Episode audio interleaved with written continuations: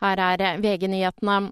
Opprørspoliti har dukket opp utenfor kirken i Moskva i forbindelse med Aleksej Navalnyjs begravelse i dag. Enken Julia Navalnyja frykter uro. I'm not sure yet whether it will be peaceful or whether police will arrest those who have come to say goodbye to my husband. Gudstjenesten skal finne sted i en kirke sørøst i Moskva, der Navalnyj en gang bodde, og starter klokken 14 lokal tid.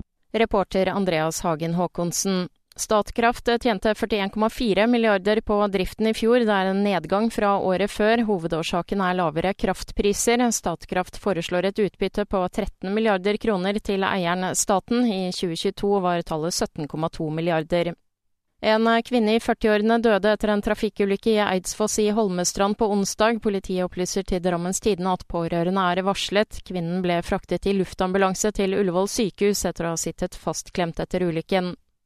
Oljefondet utestenger tre selskaper. Årsaken er at de driver gruvedrift i et område på Sumatra i Indonesia, der det lever utrydningstruede orangutanger. I studio, Kristin Strand, nyhetene får du alltid på VG.